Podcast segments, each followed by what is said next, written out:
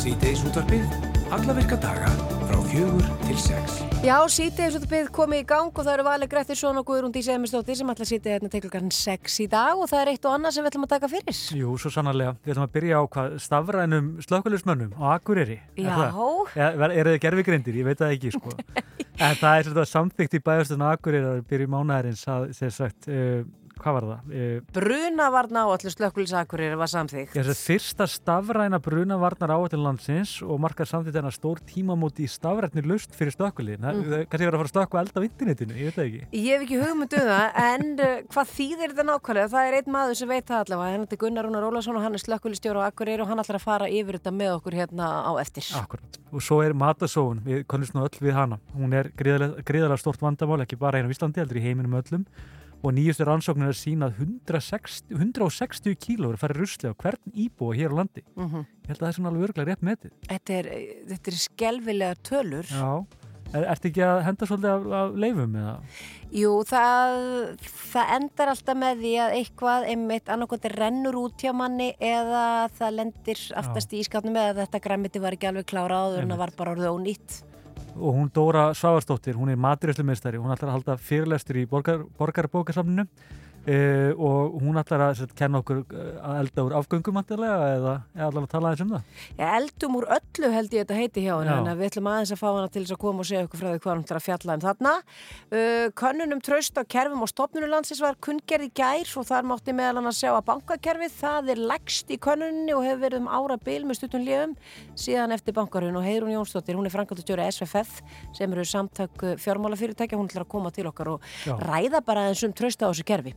hún þetta er náttúrulega, það þarf að batna og þetta er, er aðteglisvert, við erum búin að vera ansið lengi hérna niðri. Og svo er auðvitað hún Lilja Alfriðsdóttir, viðskiptar á þeirra, hún ætlar að koma til okkar líka.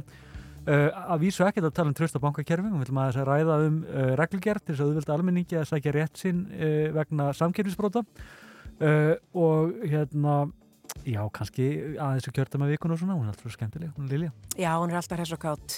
Uh, en það var uh, fjallað uh, um blóðmerahald í fréttaskýringa þetta um kveik í gær og við ætlum að fylgja þessari umfjöllun eftir. Það er hún Ingun Reynistóttir, hún er á línunni hjá okkur, hún er, hún er sem sagt dýralagnir og skrifaði grein um blóðmerahaldi í janúar 2022 og uh, hefur meðal annars veit ímistætt um það hvernig þetta gengur fyrir sig.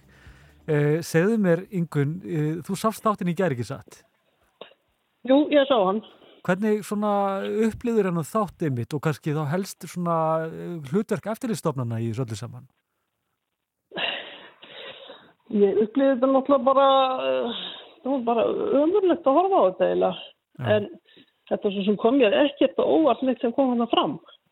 Einmitt, þú hefur talað... þú hefur þetta talað mjög ákveði gegn þessum yðnaði og, og, og fengið mikla, einhverja gaggrinni fyrir, er það ekki?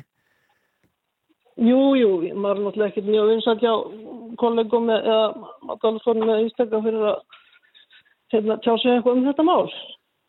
Maður veldir í fyrir sig bara eins og með uh, svör kannski matalastofnunar eða mast, uh, það verið sér svo að það sé ekkert eiginlegt eftirlit með þessum yðnaði að öðru leiti en hjá fyrirtækinu sjálfu sem er nú svolítið algengt reyndar á Íslandi. Hvað finnst þér einmitt um nákvæmlega það? Ég finnst það nú bara mjög undarlegt að, að ístekka skuli geta haft eftirlitin sjálfum sér sko. Það kemur alveg greinilega hann að fram að þeir eru að fjela hluti sem að á að tilkýra til matalastofnuna sko. Mm. Og hann spurning hvort hvað marga meira það hann dreipist þarna árið 22 sko. Einmitt. Svo árið, hlustendur átti að sjá því það var 2022 var sem sagt, voru engin eh, afföll af hestum í, í tengslu við hann yðnað og árið eftir voru, voru þeir orðinni fjórir en kveiku greindi frá því var ekki færri en átta öllu líkindum. Já, við erum allavega vissum um tíu, Já, einmitt, ekki færri en tíu. einmitt. En í þættinu líka kemur fram uh, að uh, það séu komin, að því það er verið að, er að ná þarna í hormón og það séu komin lif sem að geta verið í staðin fyrir þetta. Uh, Þurfum við þá að vera að standa í þessum yðnaði? Nei, alls ekki. Er þessi með- fáaleg hérna á Íslandi? Já, já, við, við notum hérna hormonalif í sem dýralæknar sem er, ekki, sem er bara framleitt í, á, á hérna tilvægstofu en ekki notu dýri það sko. Mm. En við notum ekki hérna PMSG hormón. Nei, sem er það sem þið eru að sækjast eftir í það ekki, með þessum blóttökum. Jú, já, við notum það ekki hérna á Íslandi. Já, en skiluru að því að nú eru fjöldi bænda sem að standa í blómera haldi og uh, væntanlega ekki ég, vel flestir að gera það í, góðri trú og, og svo framvegis en, en það var talað þarna við hann að sæjunni í gæð sem að talaði um náttúrulega bara mikla yfirburði ístek og að bændurni verði bara beigja sig undir það. Skilur þú svona sjónamið uh, það sjónamið og, og að já og bara bændurnir að þeir einhvern veginn svona þeim er svolítið stjórnaði þessu Já, þeir eru náttúrulega bara undir þumlunum hjá þeim, sko, alveg. Og þetta er náttúrulega, þeir eru að reyna að ná sér í einhverja tekjur, sko, en mér finnst þetta nú ansið bara blóðugt, er að segja svo er. Þetta er... Það er að vera hægt að ná þér einhvern veginn öðruvísi. Það, það var náttúrulega sláand að sjá hvað bændur eru raunverulega að vera stverið í viðkvæmri stöðu, kakvart fyrirtækinu, þrátt fyrir að vera augljóslega lífsnöðsileg fyrir þennan yðna. Það, er, það var nú ekki mikið mál fyrir e, bændur að standa saman og krefjast í það, ég meina, miða við að fyrirtækið var að skila arðið på 600 miljónir, þá myndir maður nú alltaf að vera meira til skiptana, ekki satt? Mér skilst nú að þeir hafi reyndað. Já. Þeir hafa bara ekkert í þá. Já, það er bara þannig. Árið, það er bara þannig. Mm -hmm. En nú reynd... Bara nýðast á þessum bændum. Nú reyndu, uh, reyndu þátt að gera með kveiks að fá að mynda það, þessa blótöku og fengu hvergi.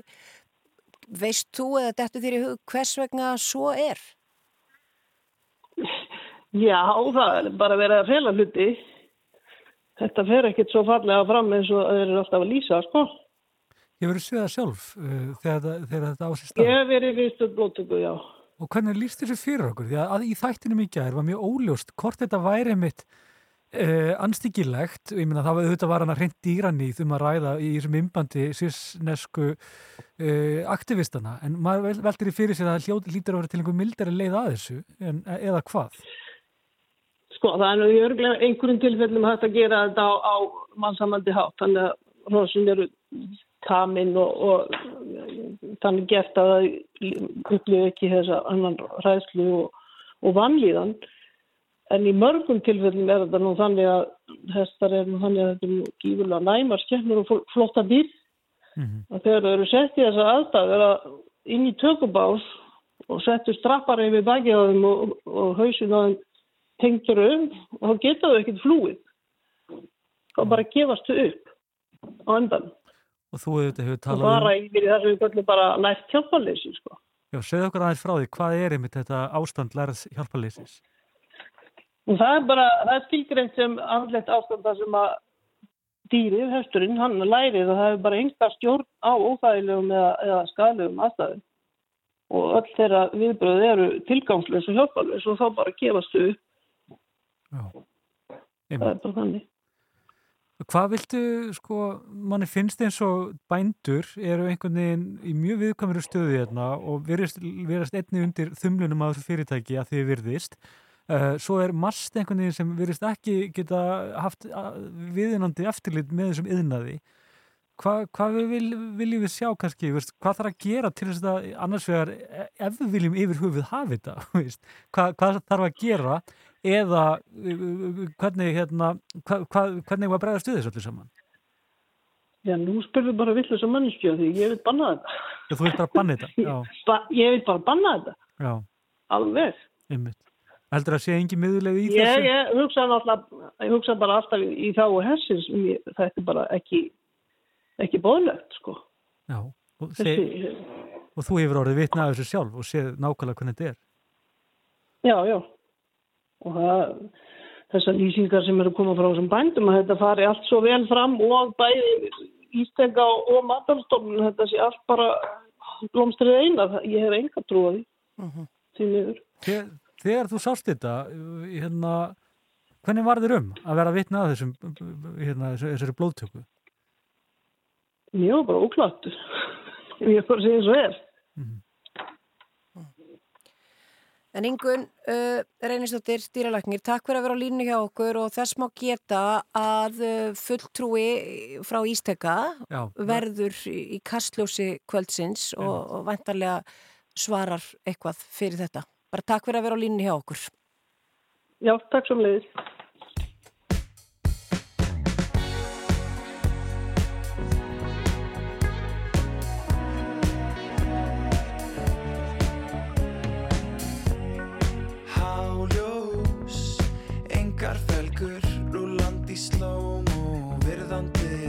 Reglur, græna baunin, gamli bílinn minn, á bensínljósi og bygglu líkt og eigandinn, hálslítra flöskur, skreita gólfið, ég bý til möllu á tjónaskíslur hans skálfi, á hundrað og tíu kílómetra hraða.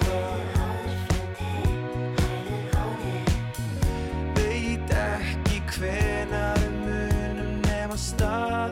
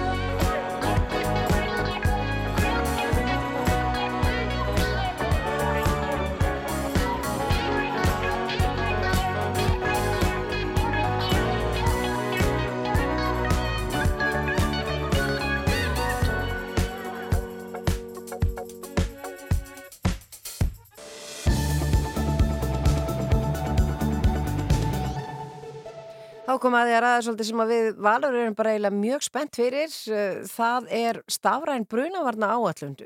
Við skiljum ekki almennilega í þessu en brunavarna áallun slökkulis Akureyrar til ásins 2027. Hún var samtíkt í bæðis að Akureyrar í byrjun mánaðarins. Það, ég held að það hefði verið annan februar eitthvað svolítið.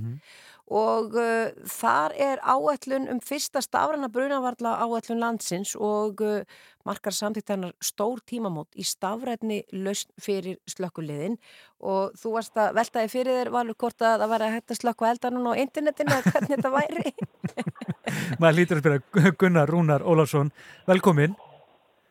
Já, takk. Segðu okkur aðeins svona um hvað þetta snýst allt saman. Já, þetta sérst, sérst stafran brunna orðnáðallu sem var sérst, samtitt núna hjá slekkulið Akureyrar, bara núna í, í þess að við byrjum mánaðins. Mm. Þetta er svona daldið tímamót í þessu. Það alltaf búið að vera brunna orðnáðallu gildi í landinu eh, hjá allir slekkuliðum í árunar ás. En þetta er svona nýtt form á þessu og dórið stafrænt. Og, en við höldum áfram að slekku að elda bara á hefðbundin haft sko. Þetta er meira svona, þetta er meira, meira svona áallin um hvernig við ætlum að gera það. Já, og hérna og brunavarn áallinu raunin er, er, er stjórntæki sem húsnæðis og manningastofnun uh, uh, sérst, uh, óskar eftir að, slökkulið landsins hafi og er sem til þess að tryggja að slökkulið svo þannig mönnuð og tækjum búin að, að við getum tekist á við þær áhættu sem eru innan sveitafélagsins. Hmm.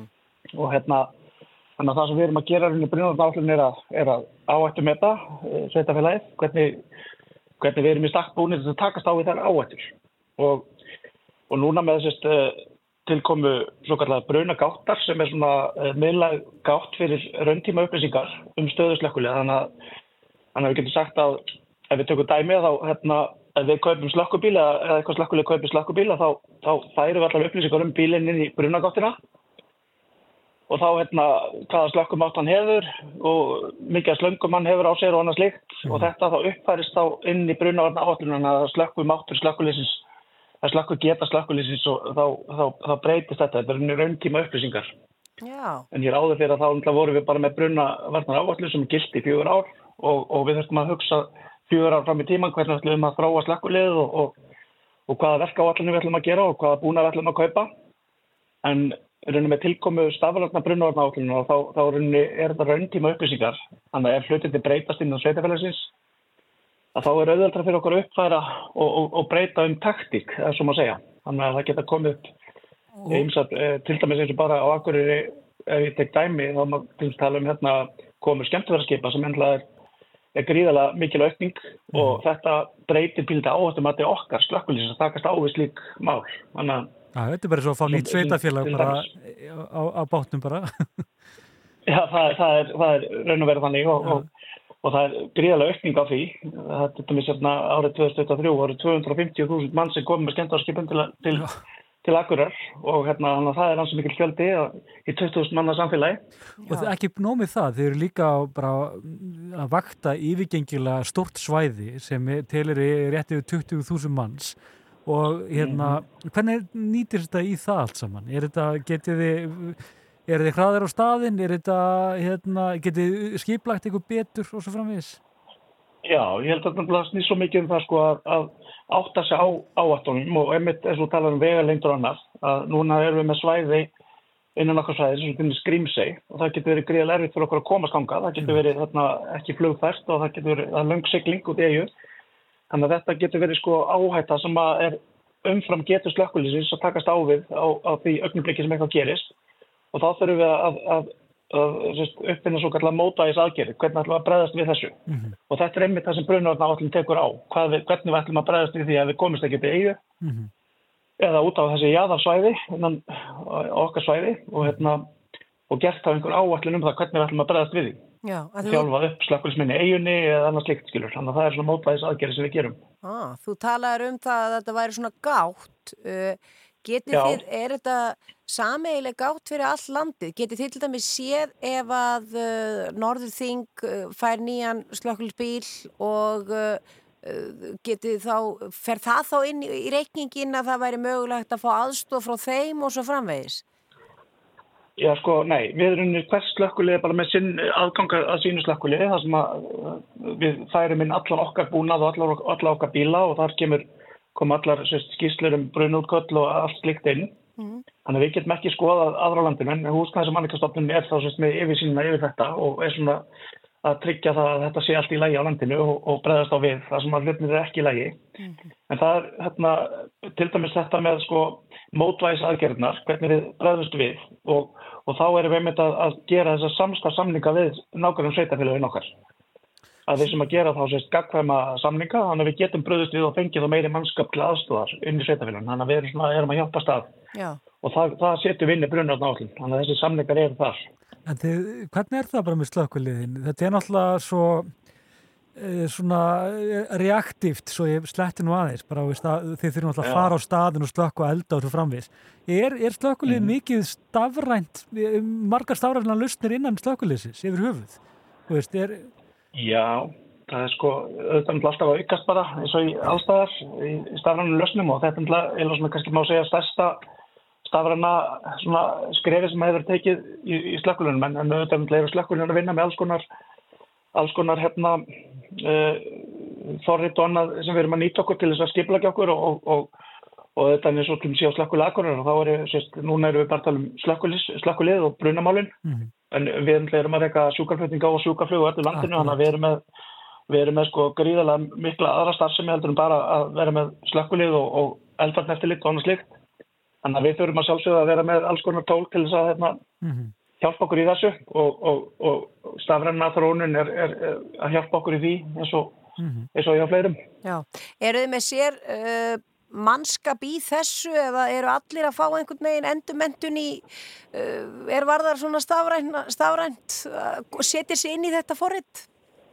Já, það er til dæmis eins og með þessa brunagátt sem er alveg frábær og frábært verkfæri sem að húsnæðs manningastofnun setur inn og, og við fyllum inn öll okkar gögn og annað og þar hafa allir starfsmenn aðgang inn í brunagáttina og, og fylla út á sínar æfingar sem þeir eru að taka og, og endurmyndun og, og trekkpróf og lækningsskoðanir þannig að, þá sapnar þetta saman allir gögnum og við sjáum þá heldur hann nátt sko hvernig staða okkar er varandi sko gild trekkpróf og þá heimildin til að stunda reykofun og annað slíkt.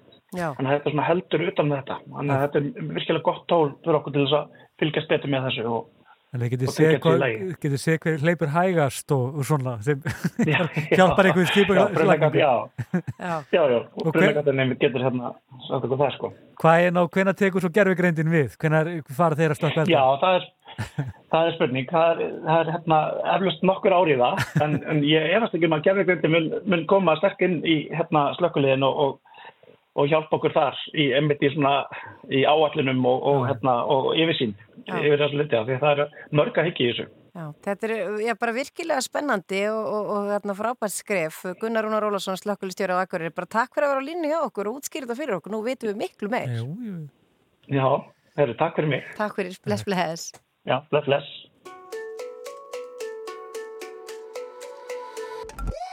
He said, Are you serious? I try, but I can't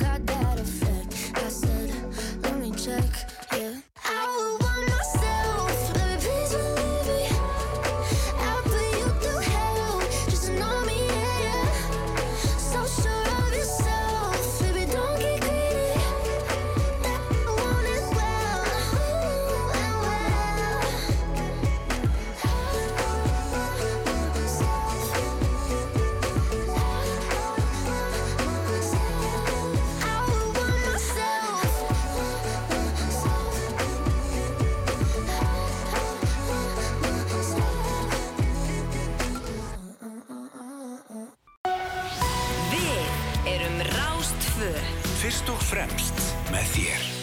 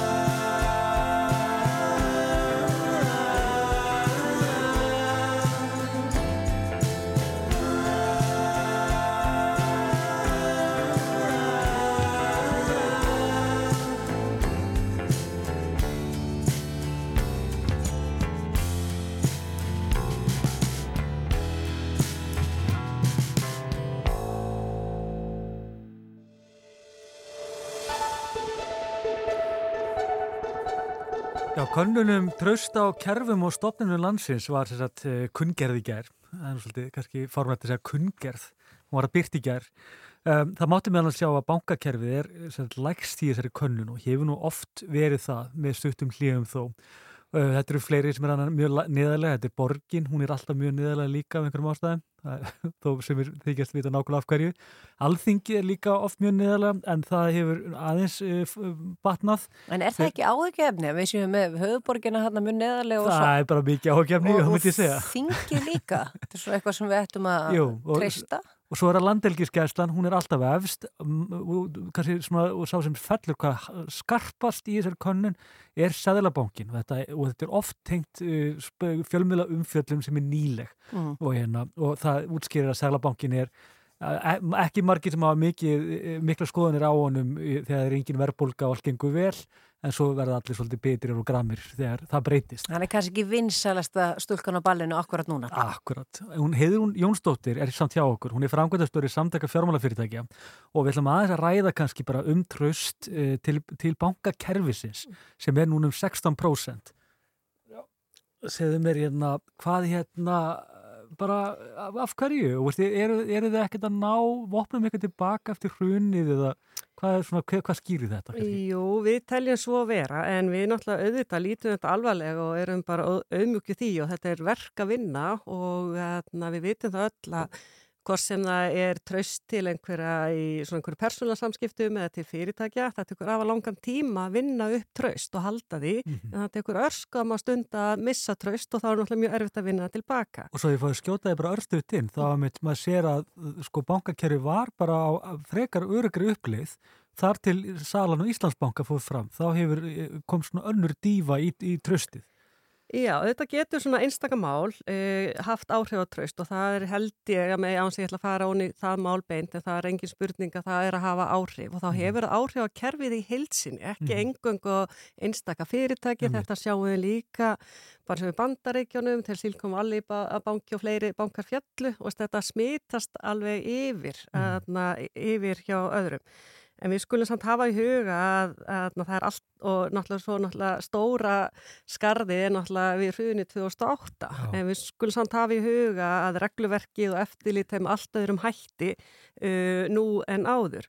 En við höfum áhugir af þessu og við þurfum, það er verk að vinna og mm. við tökum þetta alvarlega. En að En þetta er þó ekki sér íslenskt en það bætir ekki okkur og þó þetta sé þekkt í samanburða löndunum líka. Það er eitt svona, náðu sér að afsaka þetta en það er spurt þarna um fjármálakerfið mm Mhm. -hmm. og hérna, almennt er bara orðið kerfi, ekkert sérstaklega jákvætt. Ef maður væri spurður um hinn og þessi kerfi þá leipur maður ekki til að því að þú sér ekki personum bak við kerfi. Mm -hmm.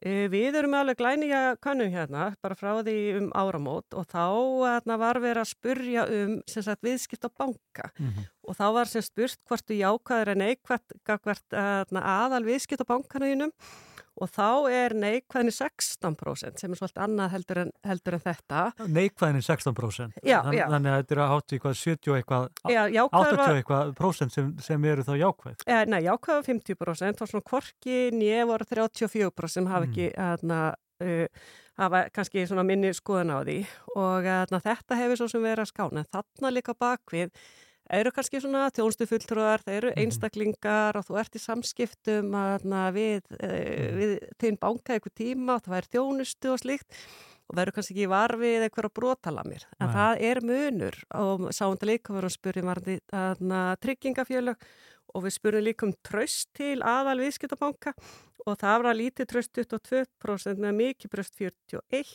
en korki nýja 37 þannig að, Já. að Þetta er mjög ólíkar niðurstöður en hittar að sína. Já, en það er verk að vinna. Já, þetta, þetta er þá væntalega því þarna að þú segir, þetta er þinn banki, þitt tryggingafélag og þú sérð personur á bakvið sem er að veita þér þjónustu. Já, eitt af því sem við höfum alveg velta eins fyrir okkur, hvers vegna þetta er að lækka fyrir þetta einstök mál sem koma upp og smitast á kerfið og eru mjög afleitt, af, afleitt að það gerist.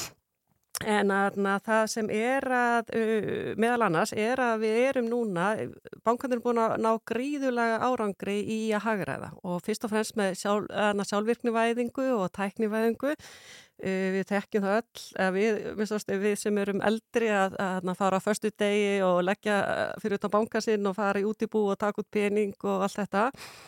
Maður sem fætt 1870 eitthvað þegar maður er að lýsa þessu, það er svona ótrúlega breytingar. Já, já. En þetta gera verkum að hittir í sjálfsög þjónustu fulltrú að minna. Þetta geti verið þarna eitt Já, af þessu. skapar ákveðna fjarlæður. Já, en ég ætla Já. svona aðeins, ég held að það sem þú komst inn á í byrjun sé svolítið stóra, stóra málið að Seðlabankin þarna er að falla mikið Mhm. og Seðlabankanum til varnar, þá er hann verið að bregðast við ástandi í efnarslífinu Mhm. Og þarna, með því að hækka stýrivexti. Þannig að e, það er held ég svolítið bara akkurat tenging þarna á milli að ég sem, sem einstaklingur til bæ Uh, ég verður ver alltaf varfið það að bæði eru vörur að hækka Mhm. og að dýrar er eitthvað heimilin, lánin mínur að hækka, Mhm. reyndar innlánsvexti líka en fyrir það sem skulda. Og hvar eru snertifletinir? Mhm. Það er Sæðlabankin annars vegar og svo lánastofnanir eða þeir sem senda er gírosel fyrir íbólaninu. Já. Þannig að það er ekki, það er svona aðeins einföldun um að kenna hvort sem er Sæðlabankanum eða bankanum. Þetta er alltaf bara efnahagslífið og verðbólgu draugurinn er bara vaknaður og við En- þurfum öll að fara og setjast á hann aftur, við viljum bara Já, halda já. honum sofandi. En svo náttúrulega finnst fólki líka oft eins og bara bankakerfið, ban- bankarnir, þetta er náttúrulega, ég skilur þetta að auðvitað er munur, ég hugsa um allt annað, ég hugsa um en ég hugsa um bara viðskiptabanka minn, auðvitað. En og fólki finnst oft eins og þessi kerfi sé ekki alveg með þeim í liði og sérstaklega ekki þegar móti blæs. Þá einhvern veginn finnst mann eins og allt hækki verði, eins og ég þurfa að borga herra, herra af hérna, af lánunum mínum en á einhverjum ástæðum verða, verða hérna, uh, arðurinn herri á sama tíma hjá bönkunum. Já. Maður fær það ónýttilega á tilfinningununa að þeir að græða að svolítið á, á óförum þjóðar eða hvað. Uh, já, ég er um kannski ekki alveg sammál þess Nei, ég ég er að segja bara tilfinningin ég skil sko. tilfinninguna Já. þegar að na, einstaklingar eru náttúrulega bara með einhver x króntölu í, í laun og það fer stærri hlutin í Einmitt. mist í bæði matakaup og líka þá að borga lánin. Reyndar þeir sem eiga sparna þeir, þeir fá líka hærra- græða á meðan, já, já. og meðan skuldsettir aðna, og maður skilur alveg þetta. Já, já. Uh, Þegar við horfum á arsemi íslensku bankana þá er hún lægri heldur en aðna, í, á Norðurlöndunum samanburðar löndunum og Er, er, það, er, það, er það svo? Og mjög miklu? E, nei, það munar ekki miklu en við erum að, að undir svona meðalægi þar og þetta svona aðeins sveiflast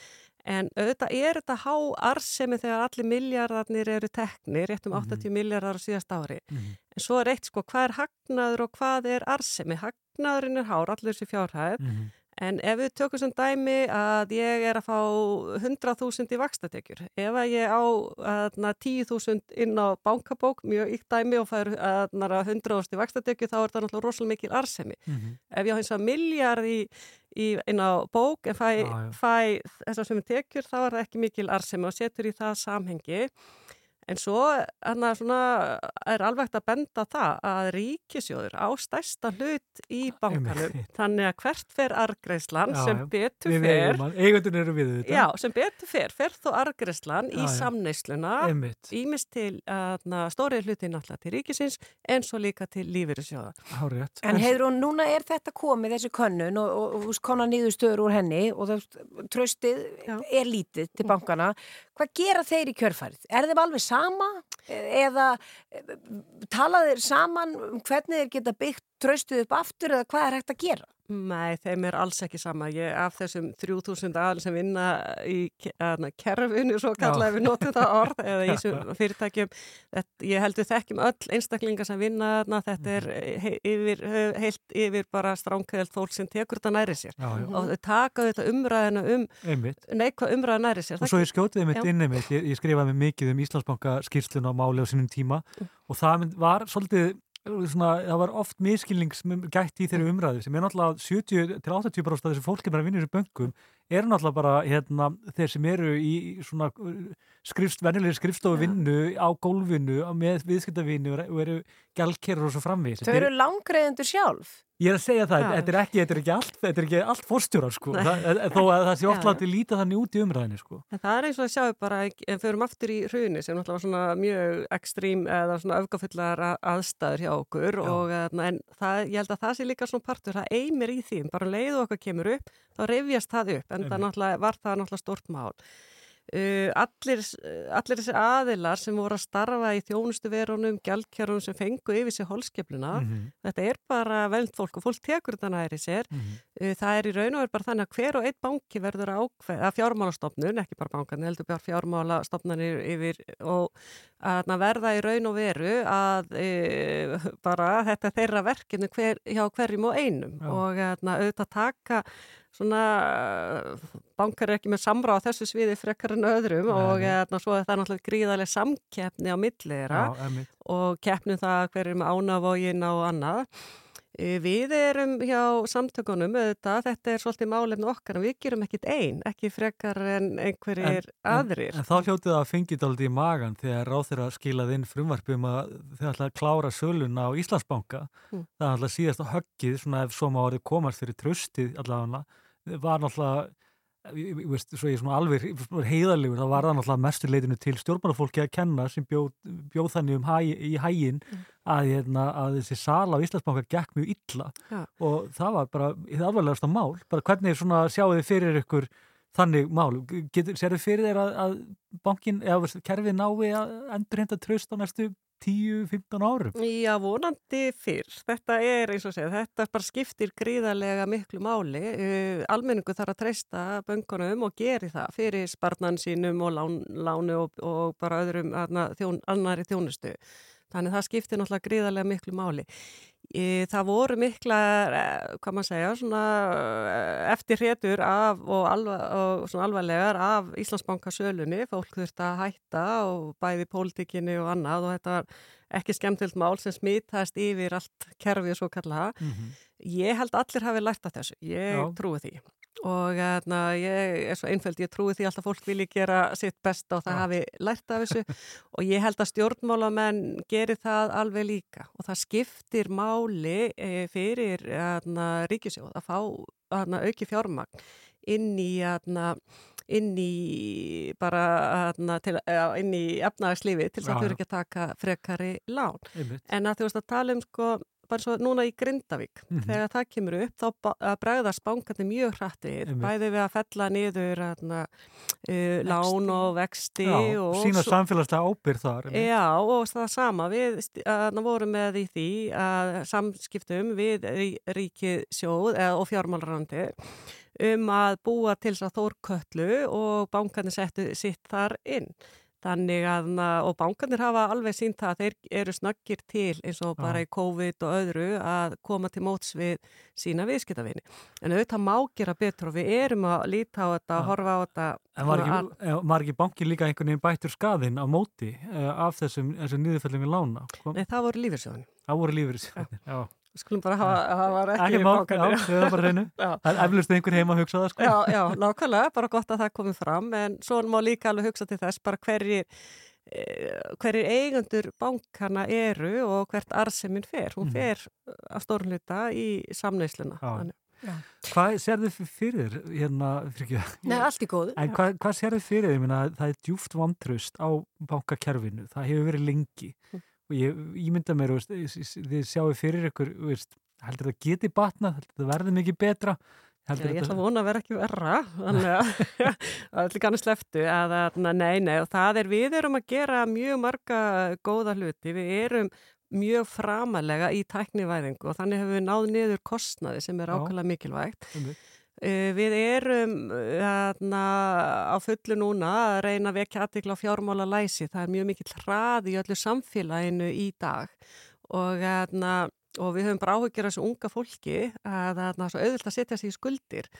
Og við þekkjum það alveg hvað er, hvað er erfitt að vinna sig upp úr skuldin þannig við erum núna að leggja huga ásláð það og reyna að fá ráð þeirra í að gera fjármálæsi af skildu að því við viljum meina að börn bú ekki eh, við sama tækifæri. Sum börn fá að kennslu heima frá sér, sum börn fá að fá skildufag sem fjármálæsi í grunnskóla, menn þetta er ekki kent annar staðar. Wow. Og bara í þessar sömu konun sem er núna alveg glæni að þá komi ljósa einungist 10% sögust hafa lært fjármálæsi í skóla meðan 74% telja þig að læra í grunnskóla mm. og 90% hafa vilja að læra meira í fjármálæsi í að í, í skólum svo ég takki nú til eitthvað sem við erum að gera mjög jákvægt og mm. þannig er, mér finnst þetta skipta alveg gríðarlega miklu máli að við hleypum ekki börnunum okkar út í bara samfélagi án þess að hafa grundvalla þekkingu. Já. Við erum líka að fulla að reyna að vara fólki við sviksemi á netinu, hvað þetta gerast til að reyna að forðast það.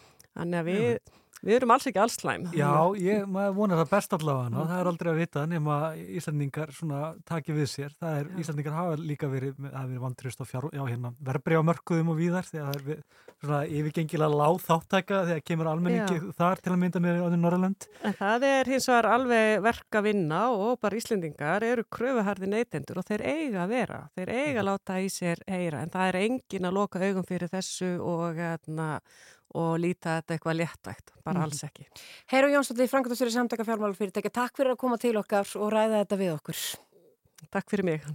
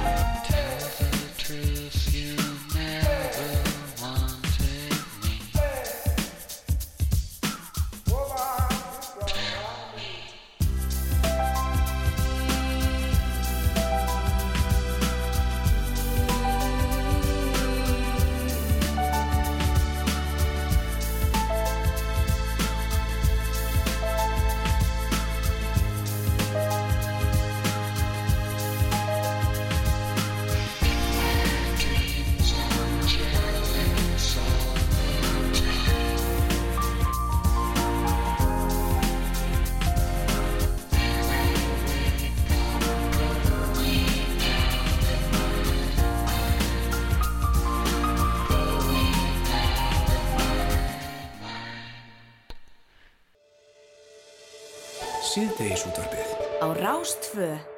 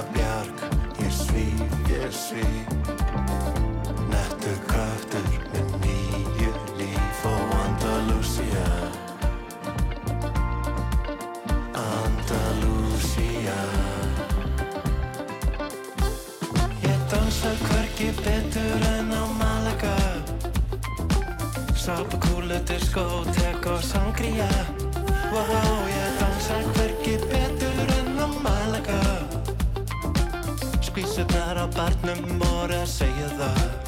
Wow, ég dansa hverki betur enn á Malaga Sápa kúlu, disko, tek og sangria Wow, ég dansa hverki betur enn á Malaga skvísunar á barnum voru að segja það.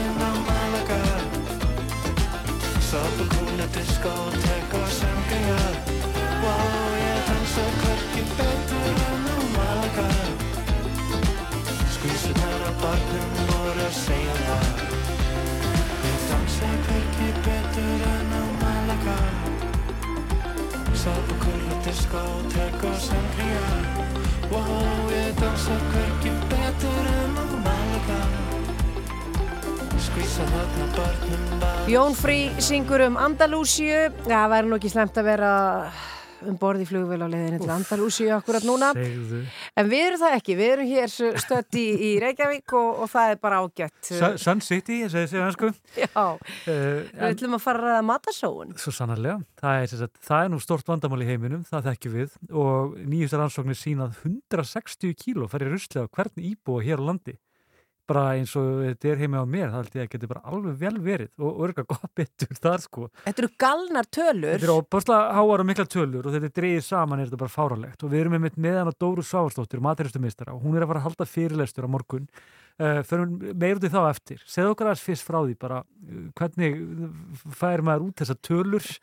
Og er þetta nær, nær lægi og er þetta misjátt eftir fólki Sko þessa tölur eru bara, þetta er bara ofinbæra rannsóknir Já. sem eru bara haldið utan með vöngurustofnun og við erum bara, við erum skildug til að framkvæma svona rannsóknir með reglu millibili í bara hluti af Európusandstarfi Já, og þetta hefur verið gert núna, þetta var þriðja svona stóra rannsóknir sem hefur verið gerð hér á landi, þessi sem er með 160 kílónum. mm. Fyrstu tvær voru gerðar með því að byggja fólk um að taka þátt og hérna svara spurningalista Já. og það var reyndar frekar léleg þáttaka og það má eiginlega búast við því að fólk sem að er tilbúið að taka þátt í svona konur sé kannski meðvitaðara heldur en aðri er uh, en það voru samt sláandi tölur, það kom alveg inn þetta með að það væri eitt þriði af matvælunum sem við erum að kaupa, sem við erum að henda Já. en þessi síðasta rannsók, hún er gerð eftir sam uh, evróskum stöðlum og þá farið gegnum ruslið já, já, já. fólki. Þannig að þetta er ekkit, þetta er ekkit ef og kannski þetta er það sem er verið að henda. Sko þetta er einhvern veginn, þegar þú heyrir þetta 160 kíló, ekki nómið það að þarna séum við að fleia mat, við erum að fleia peningum því að Mhm. matur kostar eitthvað. Mhm. Við erum líka að fleia, þú veist það er búið að slátra dýrum þannig að það, og við erum að henda vatn, þetta er bara einhvern veginn og það, þau ólus voru alin á vatni og, og alls konar uh, fæði eða einhverju svo leiðis bara þannig að þetta er galið þetta er bara vanvirðing við allt. Við allt, allt kerfi. Og líka sko ef við hugsaum, við erum ógeðslega heppin hérna að þú veist, jú, jú, ok, það er kannski verðbólku og mandur hún er dýrari, en heilt yfir höfum við það gott, við höfum efnaði að kaupa okkur mat allan jafnan, já, já. En þegar við lefum ruslatuninu okkar að vera svona gráðug, þá erum við búið til falska eftirspurn á heimsmarkasverði. Og þá erum við líka að hækka verð á bara grunn ráefni út í heimi eins og hrísgrjónum og hveiti og öðru slíku, þannig að fátakari hluti heimsins hefur þá enga veginn efnaði að kaupa sér að borða. Þetta er að gríðalega skadilegt og hefur ofbóðslega viðtaka áhrif á allt. Gjörlega. Það er alveg merkilegt. Það er nefnilega málið og það sem er kannski með þessu 160 kíló og haldið ykkur fast núna að því að fara í gengum rustlið þá er ekki með í þessum tölum það sem fór í niðurfallið. Allar mjólkurvörurnar, allir ávaxtasafarnir, allar sósurnar og súpurnar og allt þetta. Ég- Það, þetta er sláandi Já. því að það fer alveg slatt af því í Já. niðurfallið. Ætti kannski ekki að gera það en það gerir það. Það gerir það. En og við hvað- vitum það. Og það sáum við náttúrulega með hinu konunum sem voru gerðar þarna fyrir. Þannig að við vitum alveg, þú veist, það voru oft uh, síðasta tala sem ég man eftir voru 122 lítrar á ári á mann á mann Am, am, Vá. segðu, mér hérna, hvernig fyrir maður jákvæð, á jákvæðari slóði? Ég, ég meina, ég Hva- hva- skammast mín Hvað kemur til? Hvernig, erum við hvernig verður þetta til? Erum við bara erum við að elda bara fyrir bara stórfjölskyldunni hver skiptið sem við erum að elda eða erum við að e- hvernig, hvernig, hvernig er að leiði neist, hvernig Já. leiði neistan okkur þanga? Uh, það, það er náttúrulega margar mismunandi ástæður og það er náttúrulega hvert heimili er svolítið með sitt mótil ef svo má já. orðið komast. Uh, í sumi tilfellum er það, já, það er bara eldað og mikið og það er einhvern veginn og fólk er ekki tilbúið að borða afganga Mhm. í staðin fyrir að líta á það sem hráefni í nýja rétti. Já, Þannig að hérna, það er alltaf að elda mikið ef við erum með plan fyrir matinn. já, Uh, svo er þetta líka ofbóðslega hræðsla við dagsetningar já, einmitt og það er nú bara komið sem betur fyrir eins og á mjölkuverðunar hjá MS, það stendur, þú veist, best fyrir og svo oft góð lengur og það, hérna, þú veist, við eigum alveg að treyst í að, að við finnum þetta ef það er ekki í lægi með það. Svo En ég meina- druki viku gamla mjólk og það er bara, ég tek sensin glaður sko. Hvað aldrei þessi gert á sjónum? Já, Nei, en en að, það, ég hugsa það alltaf, hvað aldrei þessi gert á sjónum? En ég menna þetta lítur að vera líka ábyrðaluti framleiðanda að af hverju er það með svona stuttarstimpil? Er þeir hrætti við að einhver eitt pakki verði ónýtur og allt verði vittlust? Eða... Það er meðal annars og síðan náttúrulega líka er þetta að það er að miða við einhverja svona meðal geimslu aðstæður, eitthvað svo leiðis og því að, þú veist, ís- ískaparnir okkur er misjafnir, stundum er úlingur sem hangir á hurðin heil og halvu dagana þannig að hann er ekkert að halda kulda í ískapin þá er náttúrulega skemmist hlutinni fyrr. Já, já. þannig að það, Það- er erfitt að alhæfa með svona dagsetningar Mhm. þannig að það er alveg hluti og það sem kom fram í þessari síðustu rannsókn sem var gerð er það að e, langmesta sóunin er í frumframleyslu og svo heima hjá okkur Viltu fara aðeins yfir Já, það? hva- útskýrðu það. Já. Já, að það er sem sagt, e, þetta verður til sem sagt í frumframleiðslunni bara, þú veist, hjá bændum í, í þú veist, fiskurinn er enda múin að taka sér mjög vel á og í sláturhúsum og vinslum og svo leis, það sem að við erum kannski, við e, erum kaupum bara lampa hrygginn sko en, en slögin og framparturinn og allt þetta er ekki nýtt sko. Já, já, já, þannig að einmitt. þar verður til heilmikið. Já. og til dæmis eins og bara í græmmitinu það er, það er bara, bara fallegu gulrætunar í pókanu og markaðin og þá verður þessar kræklóttu og skrýtnu eftir. Og síðan er einmitt sama hlutvall sem er að gerast heima hjá okkur. Og það er eins og segi, þetta virðist vera stór hluti er dagsendingarhæðsla uh, stór hluti er að fólk þór ekki að borða afganga og kann ekki að ganga frá þeim og, og er ekki með hugmyndaflugið í hvernig á að nýta það og hérna uh, og, og fólki langar ekki matinn Mm.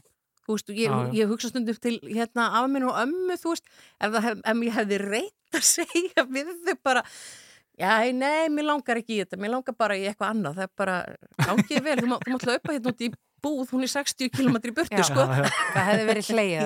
Nei, það er líka góðu punktur með, með afgangana. Ég, einmitt, svona, eftir ég komst táningsaldur, þá byrjaði ég að fatta snildin af afganga því ég borði aldrei heima lengur. Mhm. Og þá alltaf, var ég alltaf að nálgast matinn hérna öðruðsi og það, ég, ég er mikill afganga maður, sko. Mhm. En hvernig á maður að ganga frá þeim einmitt og hvernig á maður að nýta þá síðan í máltíðir til þess að þetta nýtist?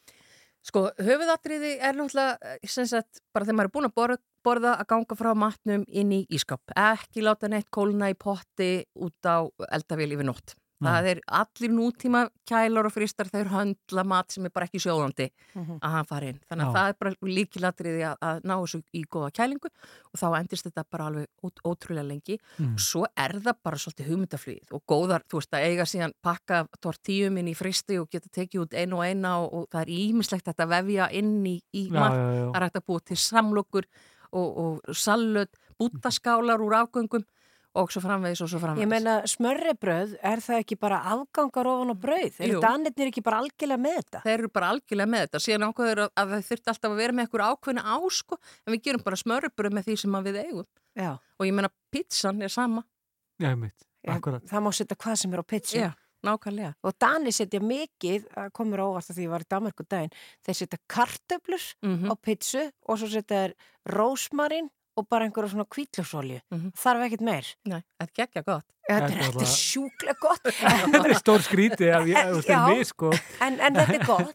Ok, en segðu mér annað, svo erum við þetta með hérna, hvað heitir þetta hérna, við, við flokkum líka matinn, afgangana.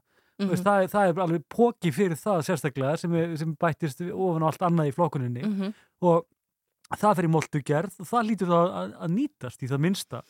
Já, auðvitað, þetta er mikið skárra heldur en þegar þetta fór bara í urðun Já, og því að þú veist, urðun og lífrænum úrgangi sko gerir, er gríðaleg losun og ótrúlega Þannig að moltan er strax skári og þá ertu komið rosalega góðan ábyrð. Þannig að, en það er alveg nóg sem er að koma bara í skræli og afskurð og eitthvað svoleið sem að fer í lífræn. Við þurfum ekki að elda fyrir hérna lífrænapókan okkar, sko. Nei, Já. nei, nei. Að Það því er óþarfi. að Því að við vorum að tala eitthvað um tröst á fjármálafyrirtæki áðan og við vorum að, að ræða eins um uh, ég bankana og hvað allt kostar og, og vexti og svo framvegs. Mhm.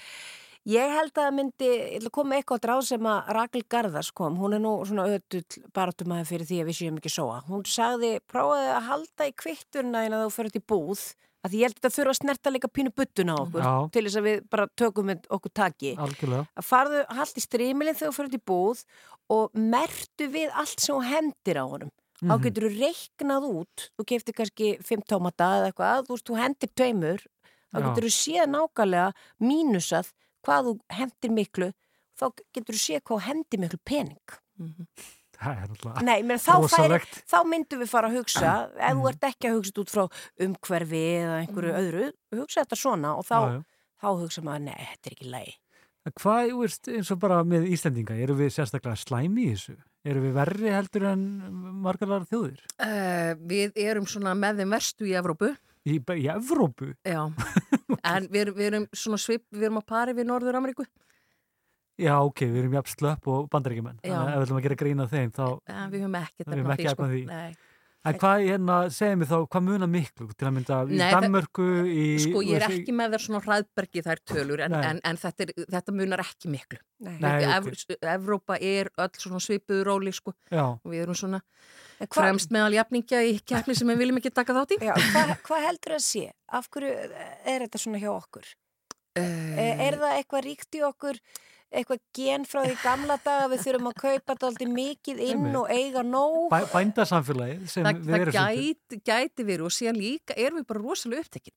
Við höfum daldið mist Íslendingar að fólk bara setjast niður og borði og þetta séu svona gæðatímar og allt þetta Já. og ég veit til dæmis að fólk sem að á úlinga, þú veist, það veit aldrei hvort þeir eru í mat eða Mhm. ekki Einmitt. þannig að til dæmis bara að, hérna, að fá að hvert heimili svolítið kortlegi sóunina hjá sér. Af hverju er hún að myndast? Er hún að myndast af því eins og segi? Ég veit ekki hvort það eru fimm í mat núna eða bara einn eða tveir. Þú veist, eða er það vegna þess að eins og eins sagði við mig bara, já, ég vil að fólki mitt borði salat en ég er alltaf að henda salati. Já. Þannig að þá var eiginlega ráði sem þau gerði var það bara að, að bera, bera salati fram í minni skál þannig að það kláraðist því salat er ekkit holdt ef þú hendir því, sko.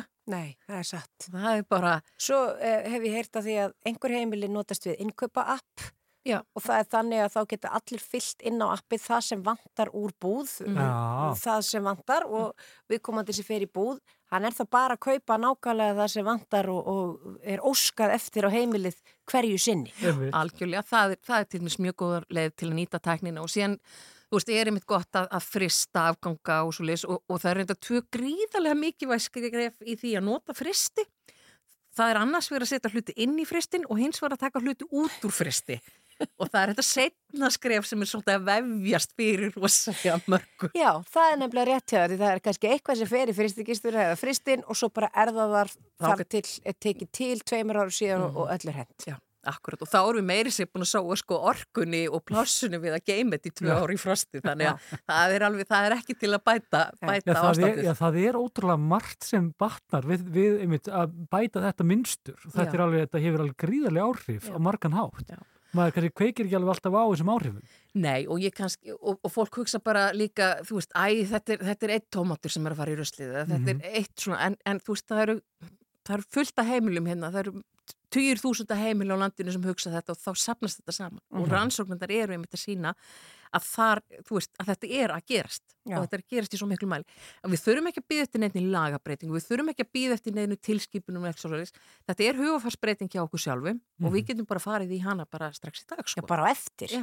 Og þú ætlar að hjálpa fólki því á morgun ætlar að halda fyrirlestur í borgarbókarsafninu Sólumum Mm og bara fara aðeins yfir þetta, hvernig við getum lagt okkar að mörgum til að minka þessu sóun Mhm. og ætlar að líka vera með eitthvað svona, Það verður eitthvað smánart, sko. já, sína hvað er þetta að gera úr afgöngum. Hvað er að, uh, hérna, já, teka eitthvað hérna, því ég er ekkit barnana best, sko, þannig ég hugsaði að fínt að fá þennan fyrirlestur núna, ég aðeins ekki til í ískapnum hjá mér. Mjög gott, mjög gott. Klukkan hvað er þetta fyrir áhuga Byrjar, sama? byrjar klukkan hálf sex og við verðum að til svona cirka sjö Já. Og bara opið bara fyrir alla og bara verið velkomin. Fær maður, fær maður ekki eitthvað að borða líka? Eða? Jú, Smánart. Já, já. En fólk fer heim bara alveg ný, nýjar manneskjur og, og það verður bara tekið til og, og í sínum málum bara strax annarkvöld. Ég held reyndar að bara ótrúlega margir hafa gott að þessu. Ég held alltaf, ég reyna alltaf oftast heima á mér og hérna, endar alltaf á mér, alltaf heldur. Og hérna, þetta er alveg bara ótrúlega kunst að halda þessu þannig að þetta sé nóg fyrir alla, þó ekki á mikið. Svo að ég er það hund, ég gef honum stundum. Já, það er ekki allir svo hefn. Nei, það má samt ekki heldur, þannig Nei, að nei. þetta, þetta er ekki gott. Það má ekkert. Dóra Sváfsdóttir, uh, maturinslumeistari, takk fyrir að koma til okkar. Við einhvern veginn förum bara miklu, ég, ég fyrir miklu peppaðir út úr þessu heldur en ég reiknaði með. Nú, nú langar mig að gera eitthvað í þessu. Já. Kaupum ekki neitt í matinn í kvöld. Nei, það var ekki líst. Líst vel á það og bara laka til að sjá ykkur og sem flesta á morgun.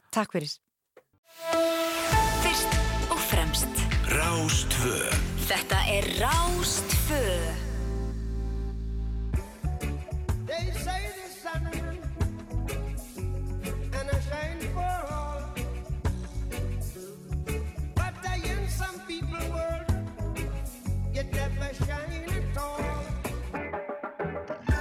These roads of flames are catching a fire. Ah.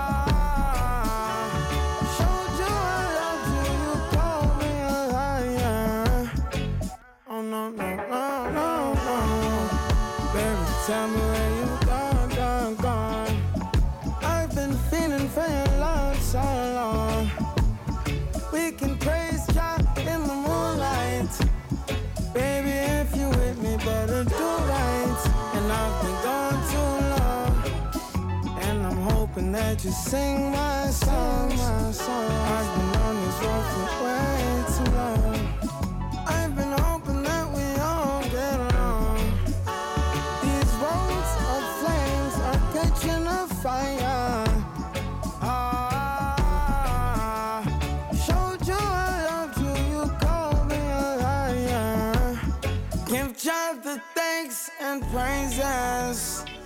I've on my own. But we ain't never left alone, long, long. And if I'm telling you the feeling is wrong, relax a little, friend, this won't take too long. And when you're feeling alone, you can call my phone. Is there a better way to go? Teach them something before they lose the song. Oh uh-huh.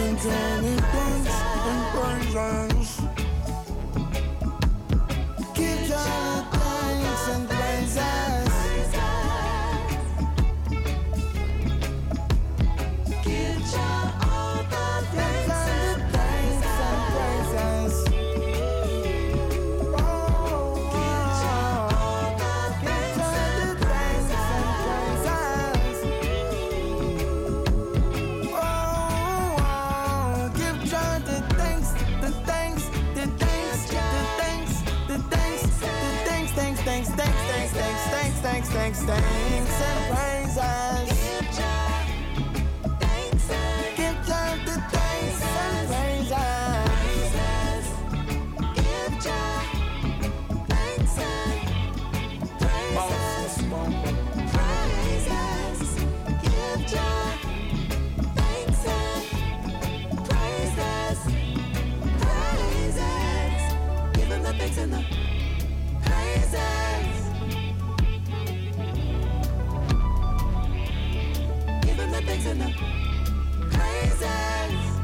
Þessi heitir Iggy Marley og er uh, sonur Lauren Hill og Rohan Marley. Og þar með þá barnabat Bob Marley. Þetta lag er nefnilega ótrúlega vel hefnað. Það er ekki, það er vöndun á góðu reggi við mér þessa dagana. Já, Það kemur alltaf sól og sumar ylur með því. hann leysir þetta vel. Talandum sól og sumarill, augnablík. Þetta kom það. Veðurhorfur næsta sólaringin. Það er okkur það sem við ætlum að fara í. Það eru veðurhorfurna næsta sólarhingin og eh, ég veit ekki, ég er ekki bjassin að vera sól og, sumarilur hérna allavega. það, ef við lítum aðeins á það, það er norðvestar 8-13 og daldir snjókoma, suðaustan til og annars er hæg, breytileg átt og skíjað og þurft að kalla.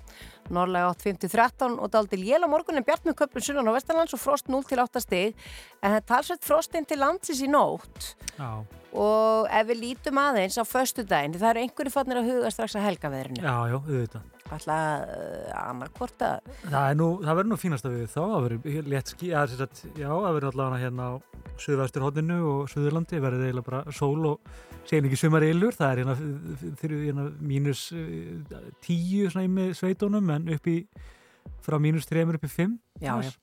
Þetta er alltaf, það er einhver úrkoma hérna eins og akureyri og svona, en ég meina það er bara vetur, þannig að þetta er bara eðlilegt. Mars, ma, það er að koma mars, sko, Já. sem er nú reyndar vor í Brussel, það er hérna, það er, það er komið vor í, hérna, í Európunni, sko. Það Já, já. Við viljum ekki hugsa um Nei, það. nei, Valur. nei, ég ætla ekki að minna ykkur á það. Alls ekki. Það stýttist því Lilju Alfreds, við ætlum að heyra í á móti sól á meðan að hún uh, kemur sér fyrir og þetta kannski uh, passa vel við það sem hún talum. Það er kannski komið vor í Evrópu en okkur líður samt vel. Það er það sem þeir eru að fjallum í þessu lagi.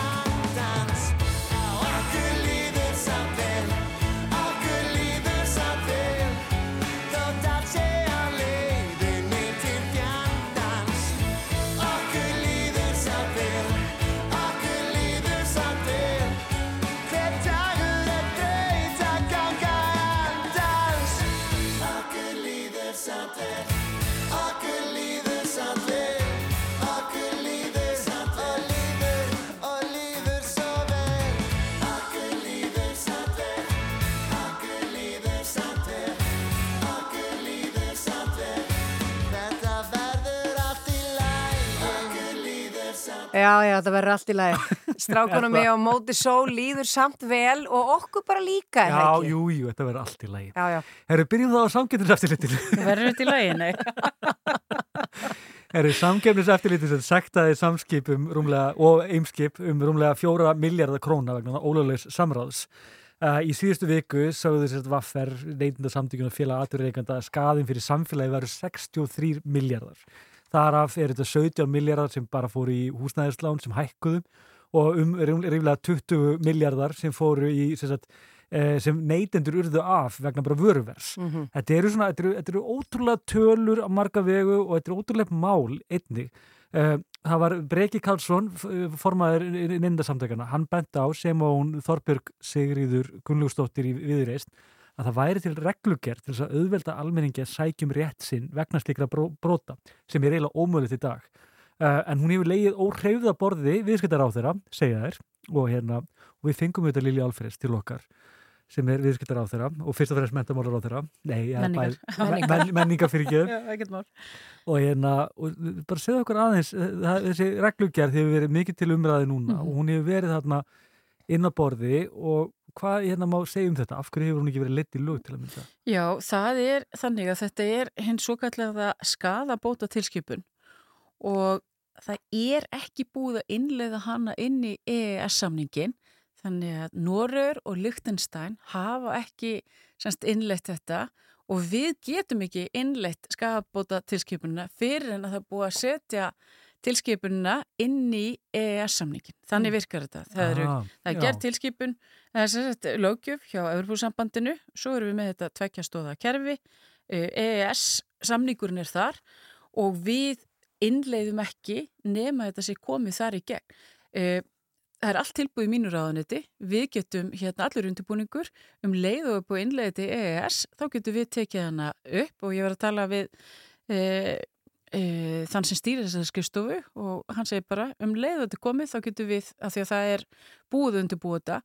Og þannig að það gætir e, ákveðins miskilnings í sambandi við þetta, það er ekki eins og við höfum bara setið á þessu að því að, að, því að þetta gagnast verulega og Já, bara eins og þið voru að fara í hérna yfir í ingangsorðum yk, ykkar að þá er það þetta bara þannig að, að samkjöfnis og neytendamál skipt okkur svo miklu máli. Og eins og mhm. var verið að fara yfir uh, var þetta þessu útrekninga og það sem var þetta og hefur verið er að vísitalan eðsluvers, hvernig við mælum verbulguna, mm. að því að það er svo mikið tengt enni að þá er bara svo óbóðslega sko, maður verður svo maður verður bara svo reyður Já. þegar manni finnst og þegar, og þegar það sagt, eh, kemur í ljós að e, það sé ákveði mál einhvern veginn í þeim farfi sem þau eiga ekki að vera í að þá skilum maður mjög vel að, að, að hérna fólk og ekki bara fólk heldur, ég verð reyð Já. En þá er mitt þessi, þessi tillagaði mitt, þessi reglugjörð, hún alltaf er bara svo fór skilja almenlega mm. E, ef, ef ég vil til að mynda fara í mál við uh, þessi fyrirtæki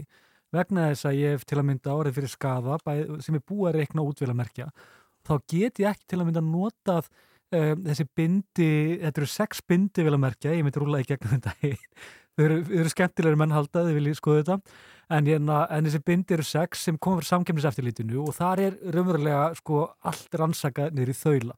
En aftur á móti, ef ég ætla að vera í mál get ég ekki nýtt þetta og sagt þetta er minn skaði sem er eiginlega algjörlega vonlust og gerir þetta að verkum að til að mynda hópmálsóknir eru, eru ómögulegar þó að sé, það er, það er ykkur reglugerð hvað þetta varða sko, mm -hmm. en er, veist, ég veldi því fyrir mér samt, er hægt að hérna, bara búið smíða íslenska lögjöf, sérstaklega? Já, já, sko það er þannig að tjón sem valdið er með ólögmættiri hátsemmi, þar á meðal með brotum og samkvæmslögum getur alltaf samkvæmt gildandi íslenskum rétti verið skadabótaskilt á grundvelli almennra regla skadabóta réttar. Þannig að það er heldur, það er hægt að fara í skadabótamál.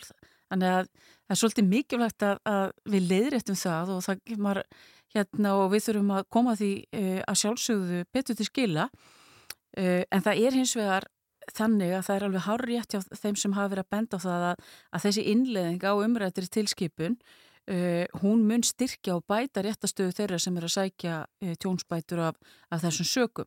Þannig að ég mun að sjálfsög halda áfram að beita mér að, að eftirríkin innleiði þessa tilskipun sem er til þess fallin að auðvelda þetta en, en við mögum ekki, það má ekki ræða með þessi mál þannig að, að það sé ekki hægt að færi skafabóta mál því að það er hægt og í öðru lagi þá er það svo að því að þetta er ekki þessi e, skafabóta að þeir ekki búið innlegan inn í EES, þá bara getur við ekki gert það bara þannig eru okkar alþjóðlu skuldbindingar ja. við erum algjörlega tilbúin eitthvað síðan. En veist eitthvað hvenar þetta yrði mögulega innleg? Erum við að tala um mánuði, ár?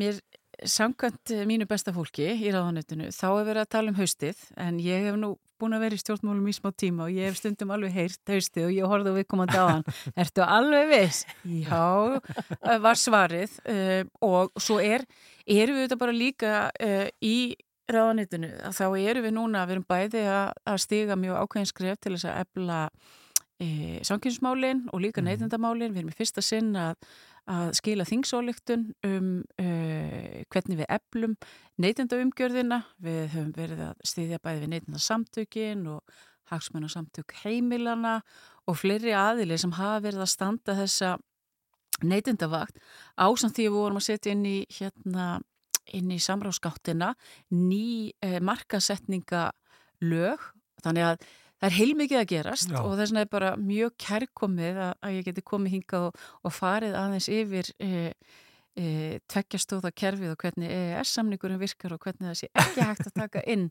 ákveðna hérna, ég held nú að sumir sem væri búin að vera fjallum þetta áttuðu sig á þessu en Já. það er allt í lagi bara að fara yfir það þá betur. En segð mér þá, hvað er það sem tefur? Ég meina, er það, er það anstaða Noregs eða Liechtensteins eða eitthvað slíkt? Er, er það eitthvað sérstakt eða... Nei, þetta, þetta er vist þannig að þetta þykir, hvort að, hvort að sé vegna þess að þetta sé, sérst, hvort að þykjan sé þannig að það er í raun og veru gert ráð fyrir ákveðinu svona réttar farslegri virkni yfir landamæri og gagfræmiri viðurkenningu sem erfitt hefur einst að þætta inn í tveggjastóða kerfið. Ég veit að þetta hljómaði nánast eins og latína. Sko. Já, en það er, það er vist erfitt uh, vegna sagt, ákveðna þáttar sem eru í þessari tilskipun og þá hefur einst erfiðar að, að þætta þetta inn í, inn í þetta tveggjastóða kerfi en ég held að, eins og ég segi menn eru bara mjög vongóður um að þetta geti komið núna í haust og Já. ég bara ítrekka það líka Það er Að það er- já, já, það er bara mjög gott og það Og- er mitt er allan Já, og ég, áttina að þessu. já, og ég treka líka að sjálfsögða að það er uh, þeir sem vilja fara í skadabóta mál uh, þeir geta gert það samkvæmt uh, núverandi lögum. Já, það er til lög sem leifir þetta en það, það hefur aldrei náðust neitt árangur í- fyrir dómsölum í það minnsta með, með, slíkum, með, með slíkum hóp málsóknum kannski það gangi betur í þetta skiptið eða menn bara kannski býði og sjái Mhm. En- En, en, en svo er annað sem auðvitað ég og það er svona e, það er þannig að, að það er búið þessu máli og það sem ég er ég, ég þarf að tala mjög varlega, ég get haft Já, já.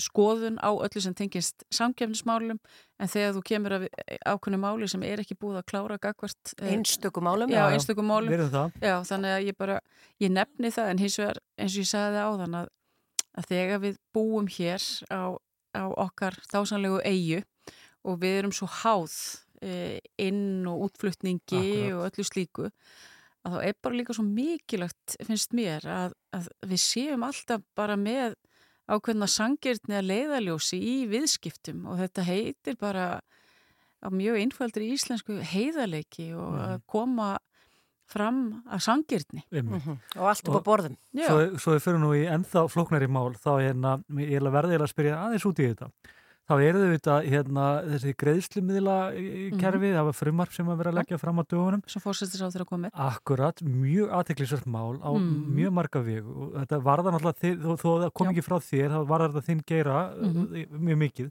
Þannig ég velti því fyrir mig bara svona, hvernig líst þér um þetta á anstöðu bara hérna, uh, hérna samtaka fjármálafyrirtækja í þessu máli Viðskiptar ás og viðskiptar á sem mitt. Það kannski fyrir sjáðalegt, ég veit það ekki.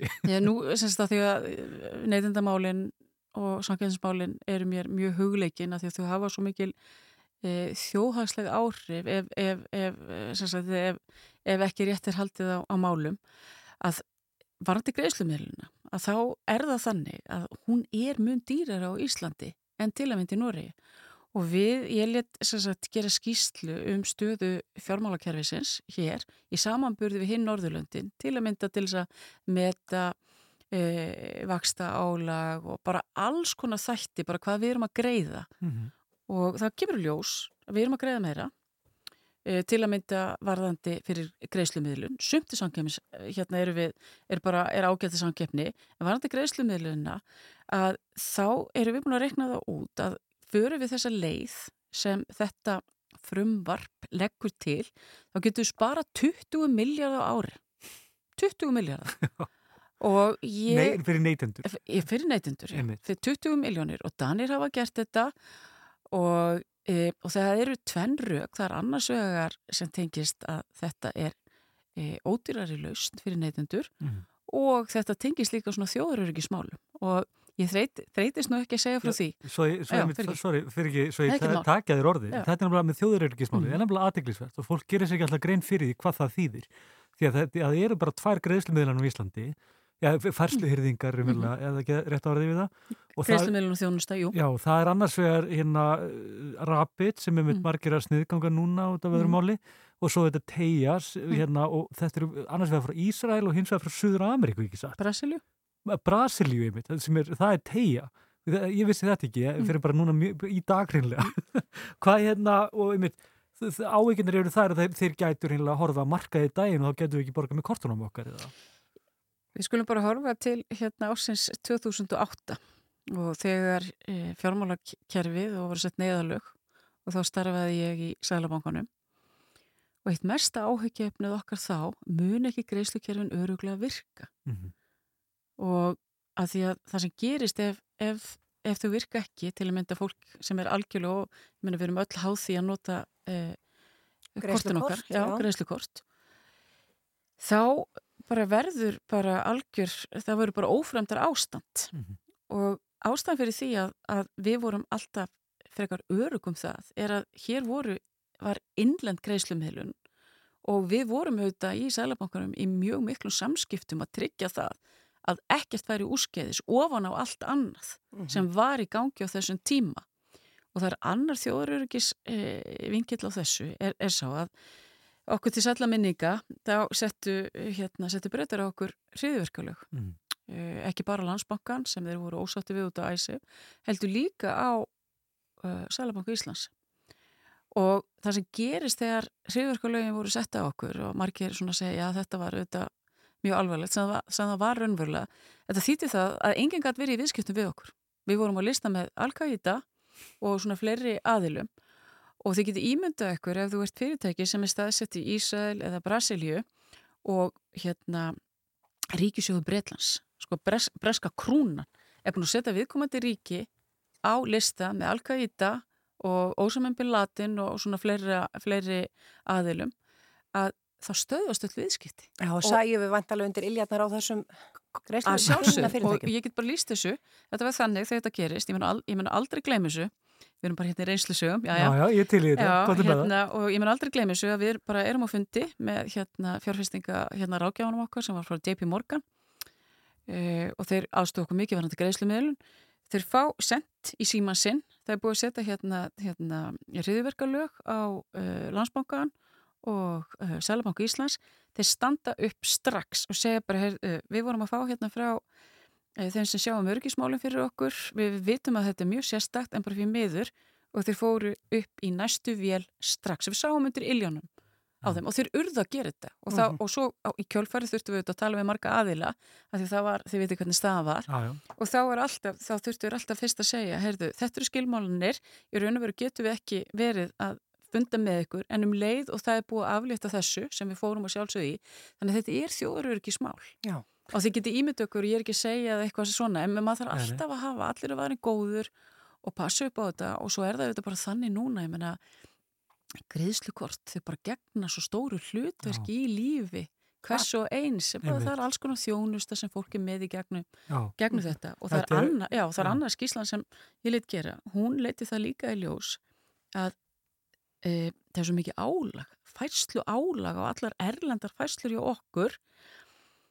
Og það er ódýrir fyrir Íslendinga stundum að vera með reyðufjör einlega af því að það er alltaf þetta álag okkur einustu erlendu færslu Og líka bara óvissa um í rauninni hver, hversu mikið fæsla mun kosta í já, raun og veru. En við komumst ekki mikið lengra með þetta, Lilja. Þetta er búið að vera mjög áhugavert. Það er kjörtum að vika, brjálega að gera. Já, við erum alveg hérna, ég var í hérna, heimsvátti fósaskóla og fellaskóla og svo er, fór ég í stúdíu hérna hjá Baltasari Kormáki þar sem þeir að taka upp hérna Vilhjám Sigurvegar á fyrsta degi og, og það sem er BBC hérna seria og, og Snorri okkar Sturluson skrifaði sjálfsögum þetta í heimskringlu á sínu tíma þannig að það er búið að vera mikið, já, í okkar Já. maður þannig að það er alveg nóg að gera og mjög gaman að heyri í kjósendum. Frábært, Lilja Alfredsdóttir, takk fyrir að koma til okkar og gangið vel. Takk sem við leiðis.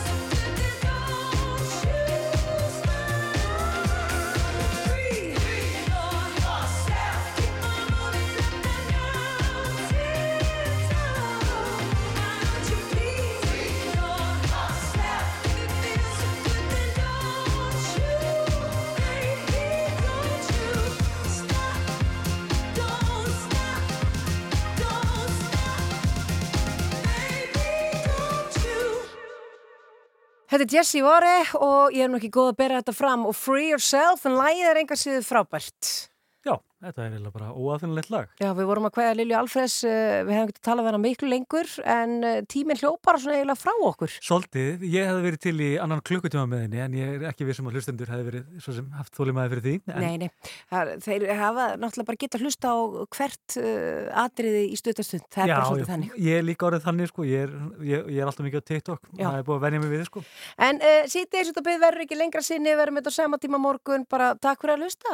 mig